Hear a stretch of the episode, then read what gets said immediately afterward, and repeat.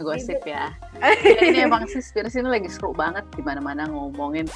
Kita tuh memang nggak boleh makan ikan lagi nih karena nanti laut bakalan habis katanya 2048. Kalau kalian lihat tuh di filmnya dia oh gue baru menemukan ini, baru menemukan ini gitu. Yang dia uh, blow up tuh kayak judul surat kabar gitu kan ya. Kayak untuk kacamata besarnya ya mbak, nggak makan ikan itu sebenarnya ngaruh nggak sih sama penyelamatan laut? Ya, ih mereka jahat banget ya, kok mau-maunya dibayar untuk ngecap yeah. go green, go green. Vegan itu kan pilihan ya. It's a choice, it's a life choice. If you want to be vegan, that's good for you. If not, that's also your choice. Disiarkan langsung dari Inggris, masih bersama gue Ujang. Dan gue Windri, hai teman-teman. Masih di acara No, no, next. expert.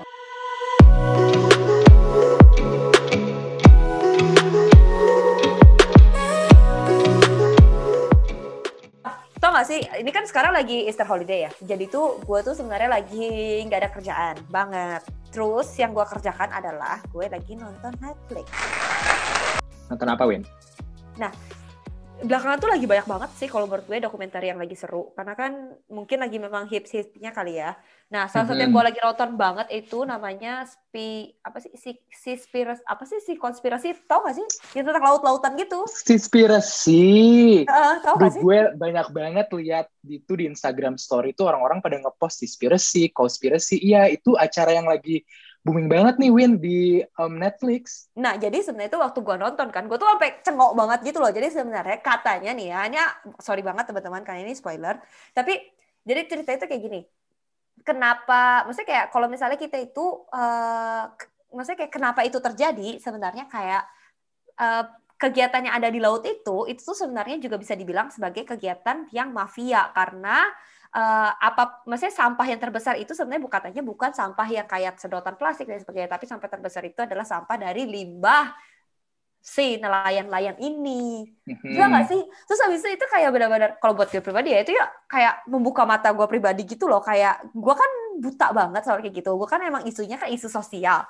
Kayak uh-huh. ah gimana ya? Gue tuh kira ya gue punya rasa romantisasi dari si laut itu kalau laut itu semua pelayan semua orang yang menjadi pelayan laut kata orang gitu kan itu tuh orang-orang yang kayak nelayan-nelayan yang zaman kita TK SD nyanyi jadi gitu loh. lu nggak mau makan ikan sekarang Win kira-kira nonton film itu atau gua gimana? Gue bisa ditampar sama gue sih kalau gue nggak makan ikan serius.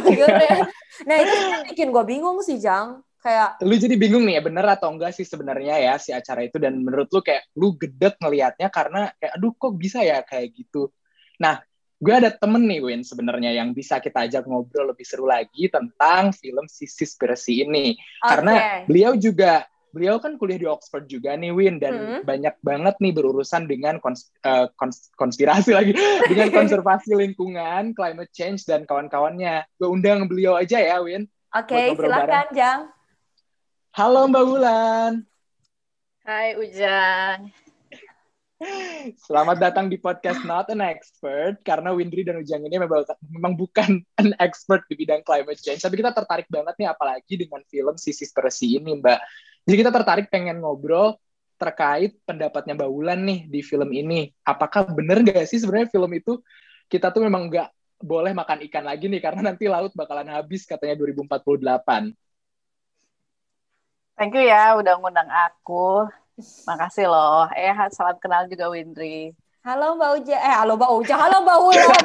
Ini gara-gara muka Uja mulai dilihat Mbak. Jadi aduh, tapi senang akhirnya Mbak bisa masuk dan ikutan ngobrol di The Expert. Ayo Mbak, silahkan. Gosip ya. ya ini emang sih Spirits ini lagi seru banget di mana-mana ngomongin. Terus karena kemarin diajak Ujang nih untuk uh, cerita-cerita, jadi gue banyak baca. Gue banyak follow baca-baca tweetnya merin-merin saintis yang pada marah-marah gitu deh soal soal film itu. Mm-hmm. Jadi tadi menarik tuh Wintri tadi uh, bilang, oh gue baru tahu tuh ternyata uh, jaring itu lebih banyak ya daripada plastik yang lain gitu ya. Mm-hmm. Misalnya, itu sebenarnya uh, itu benar.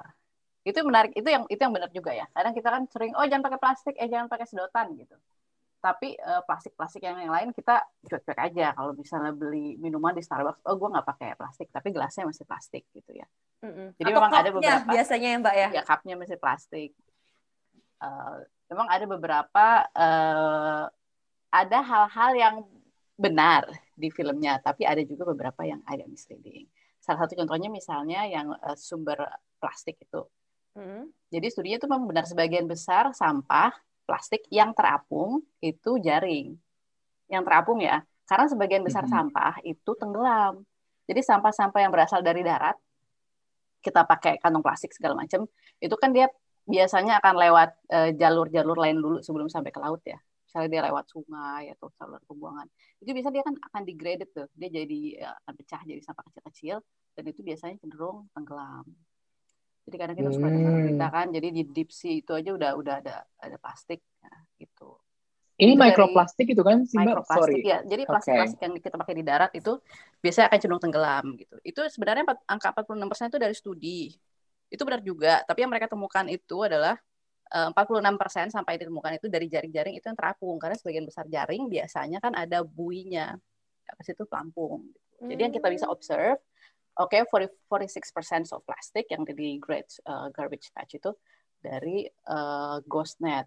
Tapi bukan berarti sampah yang kita hasilkan di darat itu tidak sama banyaknya atau sama sama sama uh, tidak parahnya itu kita nggak tahu juga gitu. Mungkin dari situ kita bisa lihat uh, satu hal yang si film ini agak agak-agak bikin teman-teman gue yang marine conservationist agak meradang. itu um, kalau kalian lihat tuh di filmnya dia oh gue baru menemukan ini baru menemukan ini gitu. Yang dia uh, blow up itu kayak judul surat kabar gitu kan ya. Yeah. Termasuk yang ikan mm -hmm. akan hilang dari laut di tahun 2048 gitu. Nah sebenarnya kalau dia baca, kalau dia misalnya interview saintis yang yang memang beneran jadi kan yang ngomong 2048 ikan akan habis mm -hmm. di di lautan itu kan dari dari uh, media. Media itu kan mengutip dari si wartawannya, eh, dari si jurnalis, eh dari si saintis yang mengeluarkan penelitian itu. Kalau misalnya dia mau misalnya interview si saintisnya, dia akan dapat pandangan yang lebih nuance. Apa ya bahasa Indonesia nuance? Lebih nggak simpel gitu. Hmm. Gitu. Jadi studi itu, dari kalau misalnya kita bilang ke orang yang ngerti ini soal fisheries, tahun 2048 akan lebih banyak uh, plastik daripada sampah. Itu pasti mereka oh my god, that itu lagi gitu. Karena itu sudah di itu kan dari studi tahun 2006 dan itu sudah didibang gitu. Sebenarnya pun studinya nggak nggak cuma ngomong itu doang, itu cuma hal kecil yang dihasilkan dari studi. Tapi namanya wartawan kan dia suka ada satu angka yang dia ambil terus jadi talking points gitu. Jadi hmm. mengaburkan kompleksitas uh, masalahnya gitu.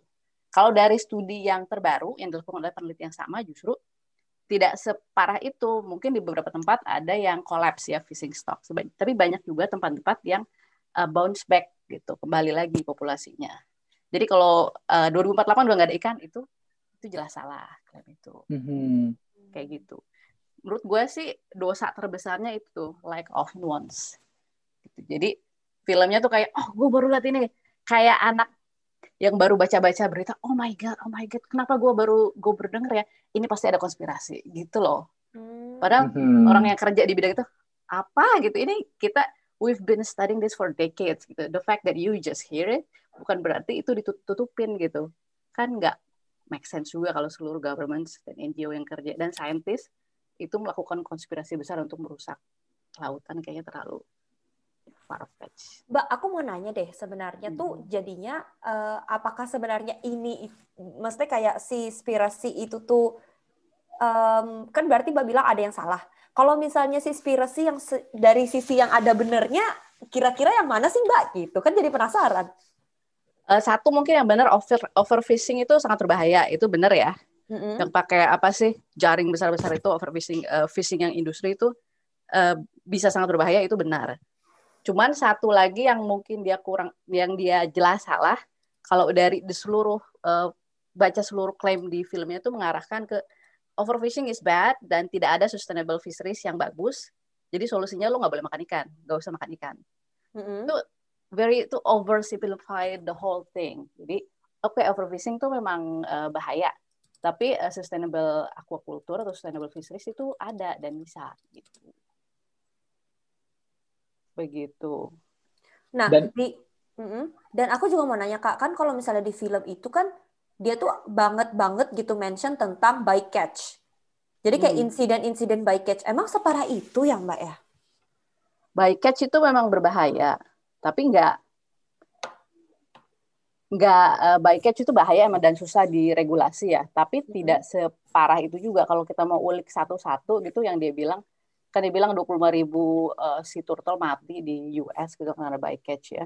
Hmm. kalau mau lihat-lihat uh, studi yang sebenarnya dan nggak susah juga kan nyari itu itu tidak sebanyak itu nggak 25 ribu lah ya berapa ribu. Dan juga uh, sekarang kan orang kan sadar ya bycatch ini bahaya gitu. Si turtle mm -hmm. banyak yang mati. Dan orang kan menciptakan juga device untuk uh, menghindari bycatch dan semua perangkat-perangkat uh, sustainable fisheries pasti memasukkan itu. Oh misalnya uh, turtle ini bahaya nih kena bycatch itu masuk ke dalam misalnya kita pengen uh, ikan kita tuh green itu masuk. Uh, kalau misalnya lu uh, perikanan lo ngebunuh turtle uh, lo nggak bakal dapat sertifikasi misalnya. Itu juga mereka kritik tuh. Dan uh, ada studinya juga sejak di, diimplementasikan alat namanya turtle apa ya gue lupa terus bisa di, dicek ya. Mm-hmm. jadi ada di kapal tuh bisa untuk menghindari bycatch dari turtle itu turun gitu bycatchnya tidak separah itu juga. Mm. mungkin yang yang agak-agak bikin kesel sih dari filmnya itu uh, sangat ini ya sangat black and white menurut gue sih ya. Jadi kalau misalnya oh this uh, sangat black and white dan uh, memvilify satu apa pihak dengan pihak lain itu nggak? Gimana ya? Jadi yang selain gue dan teman-teman gue itu jahat gitu selain she shepherd mm -hmm. dan lain itu jahat eh, yang lainnya itu uh, pasti konspirasi deh gitu ini kayak kontras nggak sih mbak kayak misalnya yang the bad guy itu Asian karena mereka karena kan di filmnya itu beneran ngekontras Taiji kemudian China dan kawan-kawan kan good guy-nya itu Ya, dan good guy-nya itu adalah saintis-saintis yang berkulit putih gitu. Itu ya, ada iya. Itu lucu juga ya. Ya juga ada tuh uh, yang nge-tweet gitu tuh. Jadi all apa? Mana tadi ya gue lihat tuh. Gue lupa. Jadi all semua penjahatnya itu Asian, semua korbannya itu black atau atau brown dan semua savernya itu orang kulit putih gitu. Ya kalau nonton filmnya pasti sekarang apalagi ya itu kayaknya film udah harusnya udah nggak dibikin film-film macam kayak macam seperti itu ya udah zaman decolonization dan segala macam filmnya tuh terasa white saver banget dan uh, west banget gitu dan salah satu uh, misalnya salah satu pesan utama filmnya untuk memban semua fishing gitu don't eat fish itu sangat kolonialis banget gitu tidak ada nuansnya dengan bilang bahwa tidak ada fishing yang sustainable itu sangat sebenarnya tidak justru tidak membantu membantu uh, lingkungan. Coba kalau misalnya kita kita lihat misalnya seluruh orang di dunia bilang misalnya berapa billion orang, oke okay, kita nggak makan ikan sama sekali gitu. Lalu bagaimana dengan orang-orang yang hanya tidak punya pilihan itu gitu, hanya bisa memang makan ikan mungkin karena mereka komunitas uh, pesisir ya kan, tidak ada alternatif lain, atau misalnya memang selama ini mereka um, apa mempraktikkan uh, perikanan yang sustainable sesuai dengan dengan adatnya gitu. Dan kalau misalnya orang-orang ini tidak tidak tidak bisa dapat protein dari laut, mereka dapat dari mana? Kan kita ngomong soal food, food sustainability. Lalu misalnya kita harus ganti semuanya jadi plant based gitu. Lalu kita harus tanya plantnya dari mana? Jadi uh, selama ini kita food uh, security-nya dari laut dan dari darat. Kalau yang dari laut sama sekali dihilangkan, impact-nya terhadap uh, darat ya, deforestasi itu jumlah luas tanah yang terbuka untuk bikin pertanian itu akan lebih jauh lebih tinggi lagi. Iya, aku setuju banget Mbak Wulan. Soalnya tuh teman-teman aku di sini kan juga ada nih yang maksudnya kayak concern banget soal climate change dan mereka tuh selalu bilang kayak ya kalau misalnya bandingin antara maksudnya kayak uh, penampak penangkapan ikan di laut dibandingin sama emisi gas yang dihasilkan dari mereka bikin peternakan buat sapi ya di mana-mana ya sapi pasti nomor satu lah. Jadi akhirnya banyak banget nih muncul pertentangan. Tapi kalau menurut Mbak Bulan sendiri sebenarnya nggak makan ikan itu seba sebagai misalnya kayak untuk kacamata besarnya ya Mbak, nggak makan ikan itu sebenarnya ngaruh nggak sih sama penyelamatan laut? Untuk orang yang punya privilege untuk nggak makan ikan, ya misalnya mm -hmm. di West ya, memang kayak misalnya salmon fisheries itu mungkin misal berbahaya, uh, silakan lakukan gitu. If you have that privilege for not eating fish, itu kan soal personal personal choice ya. Silakan lakukan. Tapi jangan vilify atau jangan uh, anggap jelek orang yang tidak melakukan itu juga gitu. It's, it's not supposed to be sesuatu yang dianggap jelek karena it's, it's a complex issue. Banyak orang tidak punya privilege untuk tidak makan ikan gitu karena memang mereka bergantung uh, dengan laut kayak gitu. Hmm. Jadi uh, kan isu lingkungan tuh kompleks ya apalagi isu isu uh, perikanan gitu banyak orang bergantung ke industri perikanan kan billions of people gitu. Sulu, untuk uh, sesuatu yang kompleks lalu dengan gampang ada yang bilang oh solusinya gampang sekali gitu. Uh, ini solusinya dengan satu hal itu kan kita harus skeptis. Kalau sesimpel itu kenapa baru orang ini yang menemukan, baru orang ini yang baru baca-baca surat kabar, oh gue tahu solusinya, let's just stop eating fish. It can't be that simple. Wow, benar-benar membuka kacamata baru nih sebenarnya Jang, karena kan sebenarnya kita ini yeah. orang awam, nggak ngerti apa-apa soal seni laut gitu. Tapi memang karena Mbak Ulan udah pro, pastinya lebih tahu gitu. Nah, Mbak Ulan, sebenarnya tuh kalau misalnya kita ngomongin soal laut itu sendiri, up, um, kalau menurut Mbak Ulan, dosa yang lebih besar itu sebenarnya lebih ke kita membuang sampah di laut atau kita menangkap ikan di laut? sebenarnya uh, isunya laut tuh ada banyak ya. Uh, overfishing itu salah satunya.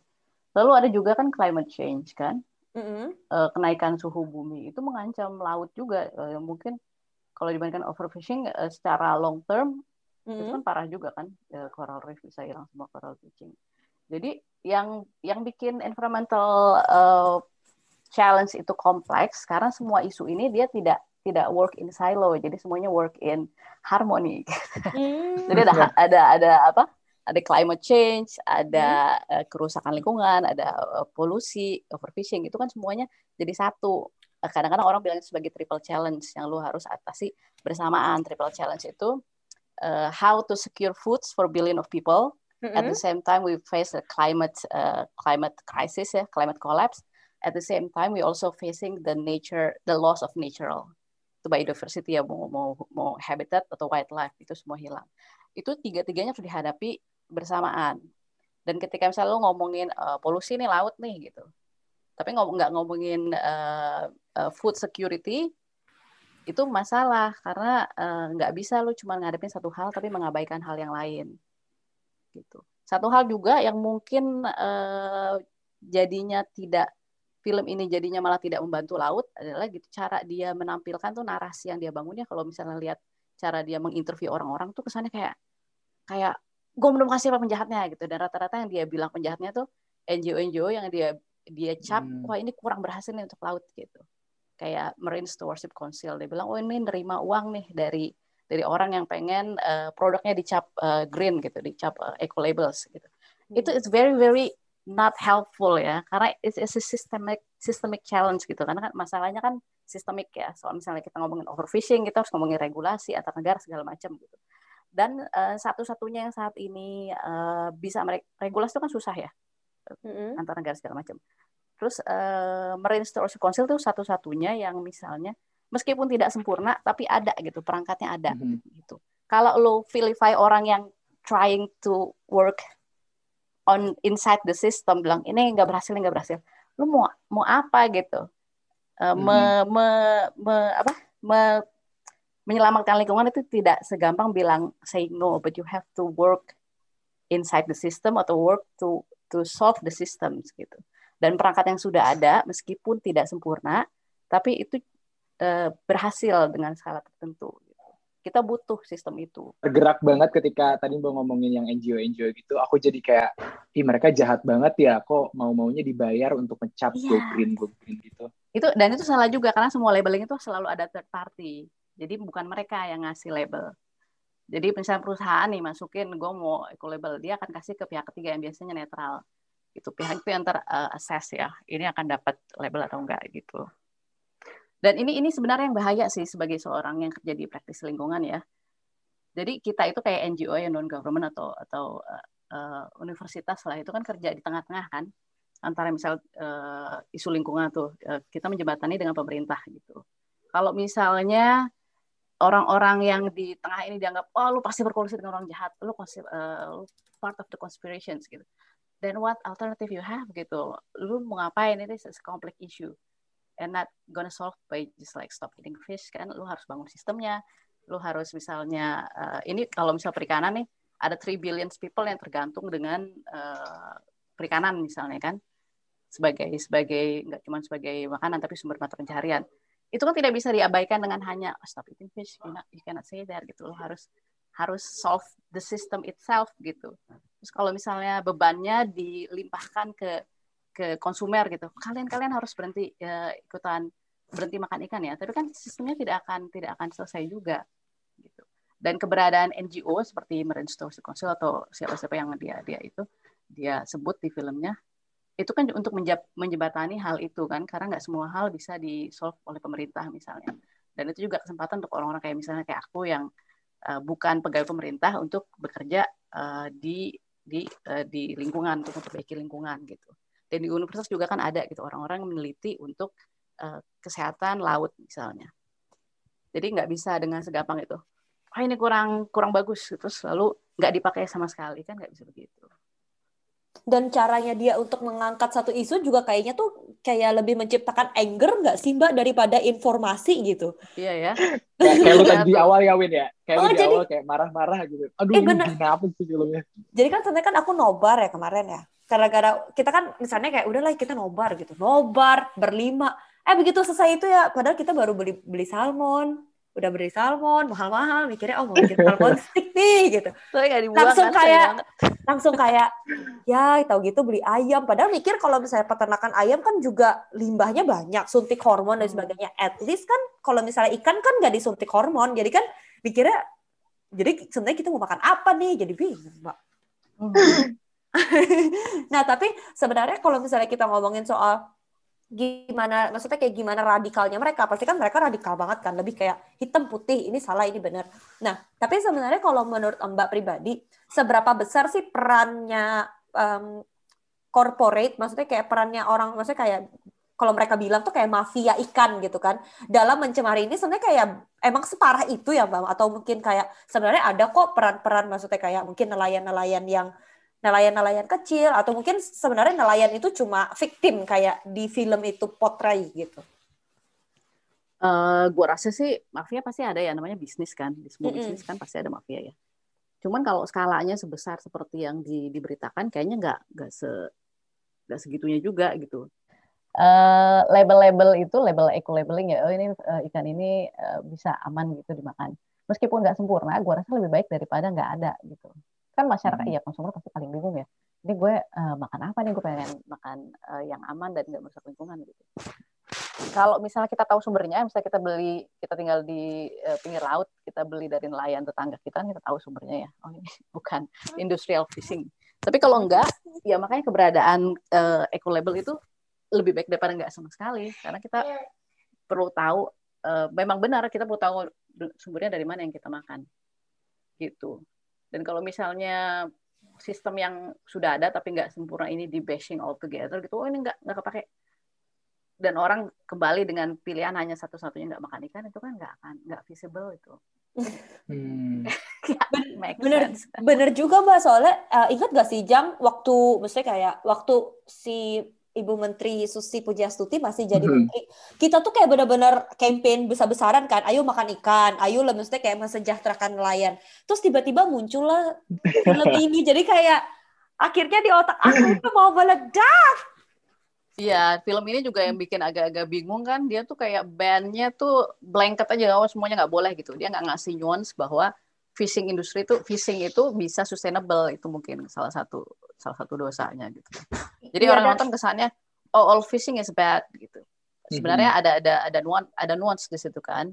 Nggak nggak semua perikanan itu buruk. Gitu. Dan yang bikin aku kaget gitu waktu Mbak bilang kalau misalnya sebenarnya kayak dalam kehidupan laut itu nggak ada cuma satu yang salah. Maksudnya kayak ini kan semua berarti kan kata Mbak semua harus jalan bareng gitu kan. Sedangkan kalau misalnya kita lihat di film itu mereka lebih mengujukin pada kalau misalnya kayak coral itu mati karena ini. Ini itu mati karena ini. Jadi sebenarnya kayak puncak dari segala macam itu berarti kar karena ya memang si fishing ini sendiri gitu. Akhirnya jadi kayak sebenarnya ya memang bertabrakan sama ilmu nggak sih? Jadi bingung. Iya, nggak pernah ada one bad guy gitu. Sayangnya. Bukan Marvel hero, nggak ada satu Thanos. Iya, akhirnya jadi kayak lebih ke blaming fact, like lebih ke ke blaming ke. Hmm. Padahal kan hmm. sebenarnya kalau menurut saya pribadi, kalau menurut aku pribadi sih harusnya ini kan bukan cuma salahnya corporate, tapi kan mungkin aja ini salahnya kita bersama.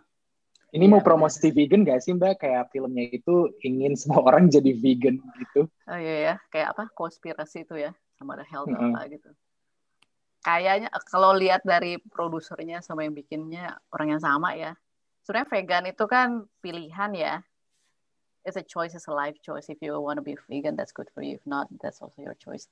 Tapi uh, membranding itu sebagai satu-satunya solusi menyelamatkan bumi baik di darat atau di laut itu menurut gue sih kurang tepat karena beberapa makanan beberapa beberapa misalnya lo ah gue vegan nih gue cuma mau misalnya lo di Indonesia gitu gue mm-hmm. vegan gue cuma mau makan uh, susu almond gitu. padahal sebelah lo uh, ada peternakan sapi itu kan malah lebih hmm. worse for the environment almond lo dari mana susunya ini gue dari Brazil terus dibikin di Whole Foods Amerika terus diimpor ke All Fresh Indonesia terus lo minum susu almond just because you're vegans atau oh, enggak gue vegan gue makan salad chickpeas gitu It's, it doesn't make any sense. Not just yang vegannya bukan cuma I'm a, I'm hippies and I love environment. Enggak kayak gitu gitu. Jadi mm. anything that locally source, mau itu mm -hmm. hewan atau tumbuhan, it's good mm -hmm. for you. Mm. Itu lebih baik daripada tanam. Tanaman juga bukannya jelek ya mbak. Kalau misalnya tanamannya ditanam terus-terusan kan ngerusak juga lingkungan. Iya. Uh -uh. Jadi semua pasti semua pasti punya environmental impact kan emang uh, rumus dasarnya kan it lower in the food chain ya biasanya tumbuhan. Tapi kalau tumbuhannya ditanam kayak halfway around the world kan nggak make sense juga. Iya, karena isu tumbuhan pun juga banyak kayak perkebunan kentang, perkebunan jagung itu kan juga isunya kencang banget gitu. Jadi kayak sebenarnya kan nggak bisa blaming untuk gara-gara udah nggak usah makan ikan gitu. Ya kan nggak makan ikan berarti makan yang lain sama aja dong. Iya nah yang kalau menurut aku yang kalau menurut aku dan aku pribadi penasaran dari pendapatnya kau Mbak Wulan sendiri sebenarnya kalau menurut Mbak Wulan nih karena kan kita dari tadi ngomongin jeleknya terus. Oke kita ngomongin misalnya kayak teman-teman sekarang lagi bingung dengar lah terus kita ini mesti gimana kalau misalnya memang kayak mereka itu pendapatnya pengen hidupnya lebih sustain gitu? Apa yang harus mereka lakukan Uh, eh, gue rasa sih satu hal yang bagus dari film ini sih bikin orang jadi berpikir kayak gini ya. Kayak, hah? Gila ikan tuh parah ya? Jadi gue nggak boleh makan ikan. Tapi kan ngerasa, ngerasa kayaknya nggak gitu deh. Jadi gue harus gimana? Mungkin, mungkin satu hal yang bagus dari film itu memaksa orang jadi jadi berpikir ya. Uh. Nah, uh, kalau jadi gue makan apa? Gue rasa sih yang yang tadi itu makan yang di locally source aja.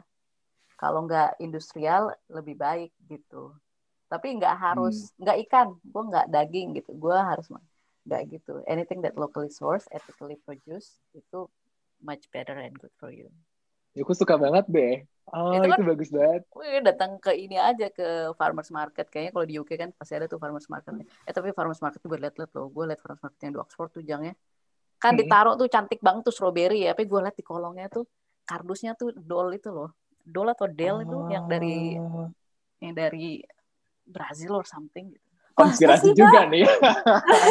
It's business tuh. Harus lihat juga tuh beneran ditanam di situ atau enggak. Oh, aku jadi bingung deh, Mbak harus gimana? iya sih ya, juga. Tapi memang sih kalau misalnya udah kayak gini kan berarti kembali lagi ke pilihan masing-masing lah ya. Yang penting kita udah bisa berusaha sebaik-baiknya. Kalau misalnya hmm. emang mereka menggunakan maksudnya kayak itu untuk bisnis yang tidak baik berarti ya kata orang ya yang penting kita sebagai konsumen bisa melakukan yang terbaik kali ya mbak ya. Ya jangan itu. ya dan Terus yang, hmm? yang bahaya sih dari global global dari kayak film kayak Seaspiracy ini ya, pokoknya jangan makan ikan gitu. Terus band ini band itu gitu larang ini larang itu. Itu ini yang kasihannya ada apa sih orang-orang Inuit tuh. Jadi kan dia Seaspiracy itu nyuruh ini stop Canadian seal hunt itu ya. Mm -hmm.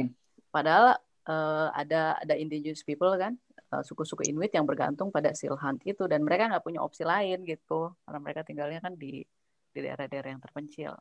Dan hmm. orang-orang kayak gini kan di internet karena orang yang baru nonton Seaspiracy ini baru semangat gitu. Jadi di apa di online abuse kan nggak bagus. Jadi semua yang kayak painting a blanket brush on anything itu harus selalu di hmm I don't think the issue is that simple. Kayak gitu deh hmm. Hmm, menarik sih Mbak, karena itu memang membuka pola pikir kita juga kan. Karena sebenarnya kalau menurut aku pribadi sih film Seaspiracy ini nggak cuma memberikan awareness buat orang-orang awam seperti saya, karena akhirnya kita Iya kan? Maksudnya kayak akhirnya kita juga padahal kan saya dibilang bidang ilmu kita berdua kan beda banget ya Jang kayak Windri kan lebih Hmm. fokus ke edukasi anak kecil Ujang lebih Hmm. fokus lebih ke sains yang lain gitu jadi untuk Hmm. bisa tahu bahwa ternyata ada kenyataan ini di belahan dunia seluruh dunia sih sebenarnya. Bahwa misalnya salmon itu sebenarnya grey terus dikasih makan biar jadi warna pink misalnya kayak gitu. Itu kan benar-benar kayak mind blowing banget buat kita tapi Oh itu juga tuh. Katanya oh salmon is just like gray fish that get colored gitu-gitu kan ya diwarnain. iya benar Ternyata gak sih mbak nggak- Di alam juga dia begitu. Salmon-salmon yang di alam itu emang kulitnya warnanya abu-abu dan dia memang makan makanan yang bikin dia warna merah. Jadi secara naturally memang dia juga begitu. Hmm. Wah ini konspirasi juga, Jang. Iya, ini tapi banyak yang kemakan sih mbak udah kemakan kemakan film duluan kayak aduh gue nggak mau lagi nih ke sushi tei gitu nggak mau lagi beli sushi karena jahat banget ternyata orang-orang di Jepang gitu ngeburu ikan Mungkin juga mungkin yang bagus misalnya misalnya lo pikir gitu tapi lo tahu nggak sumber sumber ikannya sushi teh seperti apa? Mungkin yang bisa kita lakukan misalnya Hmm. pressure sushi teh untuk disclose sumber ikannya. Kalau ternyata memang dia dari sumber yang nggak bagus kan dia akan terpaksa untuk ganti ke sumber yang lebih baik misalnya. Atau mungkin tapi sebenarnya mhm, kayak kedai-kedai sushi yang di Indonesia karena kita memang lautnya banyak, ya mungkin aja sebenarnya mereka beli langsung dari nelayan-nelayan yang ada di pinggir pesisir, iya nggak sih? Iya. Iya, Jadi dan itu bisa, kan uh-uh, Mm-mm. bisa demand, misal demand eh, nggak nggak simply gue nggak makan ikan, tapi bisa demand eh, tempat ikan kita bisa makan di restoran tempat kita bisa dapat dari mana ikannya, boleh nggak tahu itu sustainable atau enggak gitu. mhm. ya tapi banyak banget sih yang bisa didiskusin mbak jadi kayak mind blowing dan menggelitik banget sih kayak aduh ini gimana ya ini gimana ya Iya. Em, ya Dan mungkin mungkin nanti satu kita satu yang Mhm. seru saya lingkungan itu masalah konservasi lingkungan tuh nggak terbatas disiplin ya, ya nggak kayak Mhm. Windri kan edukasi ke anak-anak itu Mhm. juga bisa lingkungan karena lingkungan itu sebenarnya ngomongin tempat kita hidup kan, Tian. bahkan Iya. bahkan teman aku yang misalnya kayak gender spesialis gitu kan, mereka Hmm. mereka juga fokusnya ke situ karena kan banyak banget, maksudnya pejuang pe- malah kalau kata orang petani-petani, pejuang-pejuang laut, Hmm. para nelayan itu justru perempuan gitu. Jadi Mhm. akhirnya sebenarnya ini ini bisa dibilang lintas disiplin, dis- Mhm. disiplinasi sih sebenarnya. Iya, bahkan Iya. ilmu ekonomi katanya. Kalau misalnya Adam Smith nggak me- mengandaikan abstraksi homo economicusnya sebagai laki-laki, tapi sebagai ibu rumah tangga, mungkin teori ekonomi akan sangat jauh berbeda kita punya sekarang. Nah, mungkin Iya. Mbak Wulan, eh, pertanyaan terakhir deh kalau kayak gitu, karena kan memang kita ada keterbatasan waktu ya Mbak ya. Sebenarnya apa sih Mbak yang Mbak harapkan dan eh, Mbak harapkan buat teman-teman yang ngedengar nih setelah mendapatkan kata orang konspirasi dari Seaspiracy, mungkin apa sih yang Mbak harapkan gitu, misalnya dari teman-teman yang mendengarkan, yang, men- yang ada kesempatan untuk mendengarkan podcast kita, apa yang kira-kira Mbak mau kasih tahu ke teman-teman, mungkin sepatah dua patah kata kesan dan pesan mungkin, atau himbauan, nggak tahu deh, terserah, terserah Mbak Wulan. Gue rasa sih gini ya, kadang-kadang kalau kita nonton film kayak Seaspiracy itu kan, kesannya filmnya kayak menakut-nakuti ya. Mm-mm. Itu bikin kita marah dan eh, kadang-kadang jadi bikin malah nggak bisa, oh gue harus ngapain nih, malah jadi bingung kan ya. Mm-mm. Jadi eh, tanpa menegasikan bahwa memang lingkungan kita tidak sedang baik-baik saja, tapi sebenarnya eh, usaha-usaha untuk menjaga lingkungan yang hasilnya baik gitu, itu juga sudah ada gitu. Jadi lingkungan tidak hanya tidak hanya melulu buruk, tapi sekarang ada gerakan baru namanya eh, optimism gitu. Konservasi yang berlandaskan cautious optimism, optimisme tapi eh, hati-hati gitu. Dan buat manusia sebenarnya kalau mendengar cerita-cerita yang yang penuh harapan gitu ya, ada kemungkinan kita selamat nih, itu jauh lebih bisa eh, berimpact ya dan bikin kita bergerak daripada nonton cerita-cerita yang bikin kita takut kayak Seaspiracy. Dan buat teman-teman yang udah nonton Seaspiracy, eh, bagus kan jadinya tergugah gitu ya, tapi jangan berhenti di situ gitu. Eh, banyak sekali film-film lain atau sumber-sumber lain yang jauh mungkin lebih kredibel dan bisa memberikan jawaban gue harus apa jadinya apakah gue harus berhenti makan ikan itu bisa banyak banget sumber-sumber lain Luar biasa Mbak Wulan. Makasih banyak. Aku belajar banyak banget deh. Kayak awalnya tuh kan banyak baca Twitter dan segala macam. Terus kayak ternyata banyak banget perspektif yang Mbak Wulan juga berikan. Dan itu menurutku kayak wow, it's very invaluable. Nah buat teman-teman juga yang mungkin tertarik ya, ini kan hanya opininya Mbak Wulan atau dan opini juga uh, Windri dan juga gue gitu yang pengen nanya-nanya Mbak Wulan. Jadi kalau misalnya teman-teman juga punya opini lain, ya boleh disampaikan ke kita. Mungkin kita akan diskusikan untuk episode selanjutnya. Baik, terima kasih banyak Mbak Ulan udah hadir. Nah, Win, jadi gimana nih? Udah tercerahkan belum nih, Win, tentang diskresi? Dan gue pribadi sih sebenarnya agak kaget ya, karena apa yang sebenarnya gue takutin misalnya kayak aduh gimana ya yang gue cemasin ternyata sebenarnya dalam kenyataannya Mbak Wulan bisa menjelaskan kalau misalnya itu tuh nggak jadi masalah kamu bisa makan ikan tapi carilah sumber-sumber ikan yang baik yang sebenarnya kalau menurut gue nggak cuma gue pribadi ya tapi buat teman-teman yang udah nonton film si Sispirasi ini pasti akan ada ketakutan-ketakutan kayak gitu. Jadi semoga informasi hari ini itu memberikan pencerahan. Yeay. Ya, kita akan balik lagi nanti di podcast selanjutnya dengan mungkin kita akan datangkan ke speaker lainnya ya nggak Win? Yang mungkin habis ini girannya giran gue kali ya. Let's iya. see, let's see. Let's see. Baik, terima kasih banyak teman-teman. Sampai jumpa lagi di episode selanjutnya. Bye. Thank you banget Mbak Ulan. Bye bye.